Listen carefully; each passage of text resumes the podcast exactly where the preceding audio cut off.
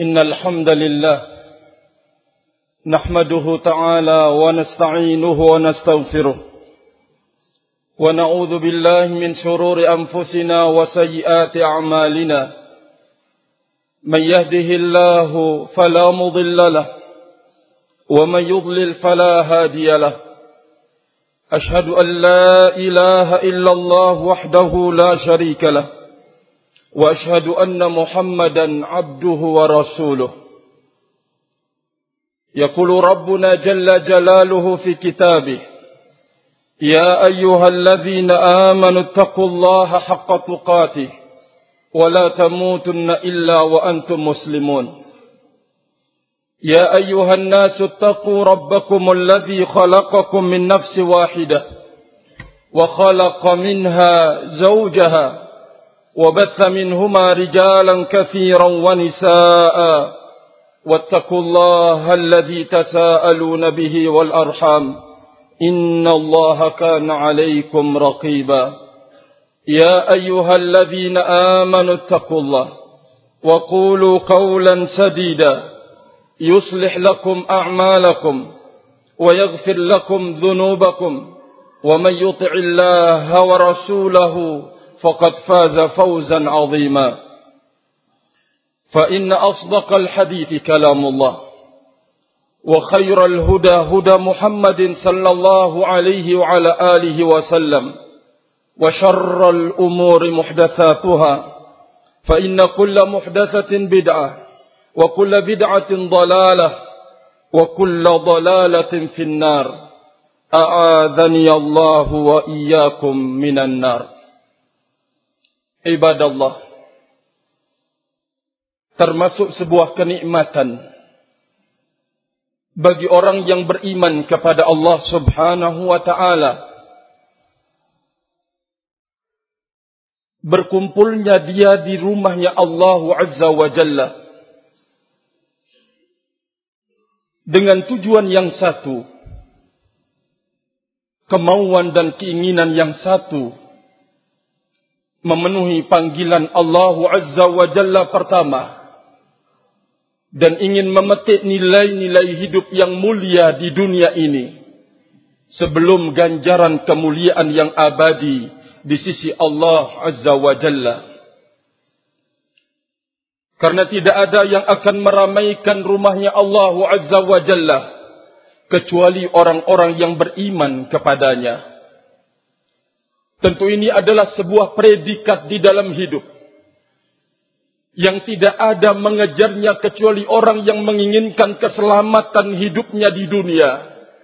Dan keselamatan kelak dalam kehidupan yang hakiki dan abadi. Di sisi Allah subhanahu wa ta'ala. Segenap saudaraku kaum muslimin. Dipertemukan dan dikumpulkannya kita.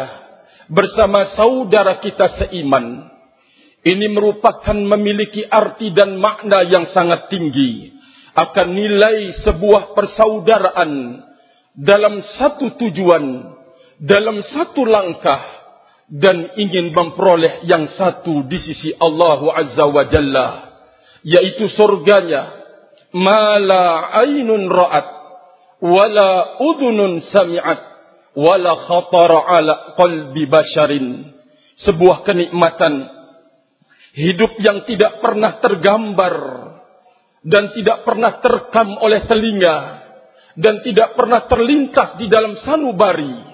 Namun besar atau nikmat yang paling besar dari itu semua apa yang disebutkan oleh Allah Azza wa Jalla di dalam firman-Nya wujuhun yawma idzin nadhirah ila rabbiha nadhirah wajah di saat itu berseri-seri tatkala wajah itu memandang kepada Rabbnya, inilah kenikmatan yang paling besar. Itulah yang memenuhi dan mengajak serta menjadikan kita berkumpul di rumahnya Allah Subhanahu wa taala. Ma'asyiral muslimin yang saya hormati. Pada kesempatan ini saya ingin mengajak diri saya sendiri dan segenap saudaraku kaum muslimin berbicara tentang kemuliaan hidup di sisi Allah Azza wa Jalla yang harus didapatkan dengan sebuah perjuangan dan pengorbanan hidup di muka bumi ini.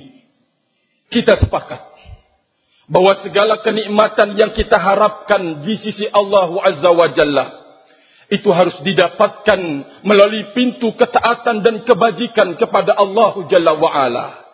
Semua apa yang kita cita-citakan dan kita ingin memperoleh di sisi Allah Azza wa Jalla semuanya itu harus diraih dengan melalui pintu perjuangan dan pengorbanan besar yang kita harus berusaha untuk menyingkirkan lawan-lawan besar di dalam hidup. Jikalau kita ingin memperoleh nilai-nilai yang besar di sisi Allah Azza wa Jalla. Yang sering menghantui dan menghadang di dalam hidup kita yang berupaya untuk kemudian menyingkirkan kita dari pintu ketaatan dan pintu kebajikan yaitu hawa nafsu yang ada pada diri kita. Yang berusaha untuk menghalang dan menjegal kita agar jangan kita dekat dengan Allah Azza wa Jalla agar jangan sanubar ini mampu mengukir keikhlasan. Dia akan berusaha untuk melenyapkan dan menghilangkan dari setiap individu orang yang beriman dan berislam sifat-sifat yang akan menekan gerakan hawa nafsu dan yang akan mematahkan kemauan dan keinginan buruknya Ma'asyiral muslimin, pertama yang akan dirusaknya adalah keikhlasan yang ada pada diri seseorang. Karena keikhlasan inilah yang akan membuahkan rasa takut dalam beribadah kepada Allah. Keikhlasan inilah yang akan menghasilkan harapan yang besar dalam sebuah pengabdian dan ketaatan kepada Allah Azza wa Jalla. Maka di saat keikhlasan itu luntur. Tidak akan ada lagi rasa takut dalam ibadah seseorang hamba. Tidak akan lagi harapan kepada Allah Azza wa Jalla semata. Maka akan datang harapan-harapan selain untuk Allah Azza wa Jalla. Untuk dunia, untuk kedudukan, untuk kemudian pamor, disebut-sebut namanya, diangkat di hadapan manusia. Di saat keikhlasan itu luntur. Bagi perjalanan hawa nafsu, inilah yang paling berat sesungguhnya. Maka oleh karena itu, segenap saudaraku kaum muslimin yang saya hormati, mari kita pertama-tama untuk kemudian melakukan pembenahan ke dalam diri kita sendiri yang akan menjadi kekuatan di dalam membangun semua kebajikan dan juga menjadi kekuatan di saat kita mencoba melakukan pendekatan diri kepada Allah Azza wa Jalla Itulah keikhlasan ma'asyiral muslimin yang saya hormati. Ini yang pertama. Yang terus berupaya untuk menghalangi kita dekat dengan Allah. Bisa membuka pintu ketaatan dan kebajikan selebar-lebarnya. Ada di dalam diri kita sendiri. Maka jikalau seseorang ingin meraih kehidupan yang hakiki di sisi Allah. Di dunia ini dia harus menumbangkan selalu hawa nafsunya. Dia harus keluar menjadi pemenang di dalam pertarungan hidup melawan hawa nafsunya. Tidak ada sekejap pun dari hidupnya. Kecuali hawa nafsunya akan membisikkan berbagai macam bentuk kejahatan untuk dia kerjakan, untuk dia datangi, untuk dia lakoni, untuk dia dekati. Namun jikalau keikhlasan di dalam hidup itu selalu terpatri dalam hidupnya, maka ini kekuatan yang akan bisa menjadikan dia keluar menjadi pemenang dalam setiap pertarungan melawan hawa nafsunya. Ma'asyiral muslimin yang saya hormati. Yang kedua, termasuk dari upaya besar untuk menghalangi seseorang taat kepada Allah, mengganggu, menggoda, membisikkan hal-hal yang jelek bagi mereka yang beriman kepada Allah Jalla wa Ala itulah musuhnya nenek moyang kita yaitu Adam musuh anak keturunannya. Sampai kita sekarang ini itulah iblis laknatullah alaih dia akan selalu mengintai dan mencari kelemahan pada setiap manusia mari kita menyadari diri kita sendiri bahwa ternyata pada diri manusia banyak sifat-sifat yang jelek dan buruk yang dititipkan oleh Allah Azza wa Jalla untuk mengundang hawa nafsunya berbuat dan untuk membuka pintu syaitan untuk masuk padanya. Terlalu banyak apa yang dijelaskan oleh Allah Azza wa Jalla tentang tabiat-tabiat buruk yang ada pada diri manusia. Allah Azza wa Jalla mengatakan bahawa manusia itu adalah zalum. Orang yang terlalu banyak berkiprah dalam kezaliman. Berbuat zalim terhadap dirinya. Berbuat zalim terhadap orang lain. Lebih dari itu. Berbuat zalim kepada Allah Jalla Subhanahu. Apakah kezaliman itu mengenai utusan-utusannya?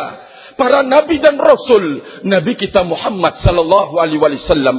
Atau kezaliman yang terkait dengan Allah? Kepada Allah Azza wa Jalla. Terkait dengan aturan dan syariat yang diturunkannya buat kita.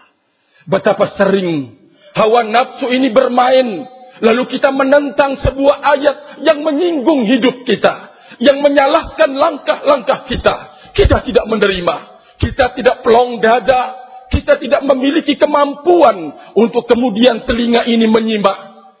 Jiwa kita ini menyak, mena, eh, memahaminya dan pikiran kita ini mencerna. Bahkan yang ada adalah menutup telinga kita, menutup jiwa kita untuk tidak mau ditegur oleh ayat Al-Quranul Karim atau hadis Nabi Sallallahu Alaihi Wasallam Bukankah ini adalah sebuah kezaliman terhadap diri kita pertama dan kezaliman terhadap Allah Azza wa Jalla terkait dengan syariatnya?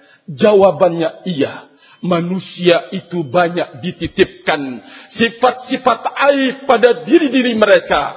Inilah yang disebut oleh Al-Imam Ibn Qudamah rahimahullahu ta'ala bahwa manusia itu kalau ingin selamat dan jika dia ingin berada dalam selalu perlindungan dan pertolongan dari Allah Azza wa Jalla, dia harus mengenali siapa dirinya dan sifat-sifat yang ada pada dirinya. Allah Azza wa Jalla bercerita bahawa Allah menitipkan sifat dan tabiat yang buruk agar manusia itu berjuang. Jangan sampai sifat-sifat buruk itu melekat pada dirinya. Dia harus menyingkirkannya dia harus mematikannya, dia harus berusaha menekannya. Jangan sampai kemudian muncul tobiat-tobiat buruk di hadapan kebenaran, di hadapan bimbingan Allah Azza wa Jal, di hadapan tuntunan Nabi Muhammad sallallahu alaihi wa ala alihi wasallam. Ma'asyiral muslimin yang saya hormati, Syaitan sesungguhnya punya peluang besar untuk merusak kita. Namun peluang itu akan tertutup. Di saat muncul dari diri kita sebuah kekuatan. Kekuatan seorang muslim dan muslimah. Mukmin dan mukminah ada dalam ketulusan dan keikhlasan dia dalam mengabdikan diri kepada Allah Azza wa Jalla tidak ada yang dicarinya kecuali apa yang disiapkan oleh Allah. Tidak ada yang dituntutnya kecuali nilai-nilai yang akan diberikan oleh Allah. Tidak ada cita-cita dan harapannya kecuali janji-janji Allah kemudian hidup di abad yang abadi kelak di sisinya. Mematri ini adalah butuh perjuangan untuk selalu dalam keikhlasan, membutuh perjuangan, membutuhkan ketakwaan, membutuhkan kesabaran, membutuhkan ketawaduan. Semoga Allah Azza wa Jalla membuktikan bagi kita semuanya pada siang hari ini kita mencoba melangkah dari rumah kita memenuhi panggilan Allah Azza wa Jalla tidak ada yang mendorong tidak ada yang menyuruh tidak ada yang menyemeti kecuali iman yang ada pada diri kita. Ingin memenuhi panggilan Allah subhanahu wa ta'ala. Semoga ini bertanda bahawa kita mencoba kemudian untuk mematri keikhlasan. Ingin memperoleh kekuatan di dalam hidup. Karena Rasulullah Azza wa Jalla mengatakan. Menja'a bil hasanati falahu asyru amthaliha. Barang siapa yang mendatangi pintu kebaikan. Allah Azza wa Jalla telah menyiapkan satu kebaikan sepuluh lipatan kebaikan sebagai ganjarannya. Para pendahulu kita yang saleh mengatakan wajazaul hasanati al hasanatu ba'daha sayyiati as sayyiatu ba'daha. Ganjaran kebaikan di muka bumi ini lahirnya kebaikan keberikutnya. Sebagaimana ganjaran kejelekan, munculnya kejelekan-kejelekan berikutnya, kita bisa menilai kebaikan yang kita lakukan berarti di dalam hidup kita bisa kebaikan sekarang ini melahirkan kebaikan keberikutnya. Kebaikan yang kedua melahirkan kebaikan yang ketiga. Kebaikan yang ketiga melahirkan kebaikan yang keempat.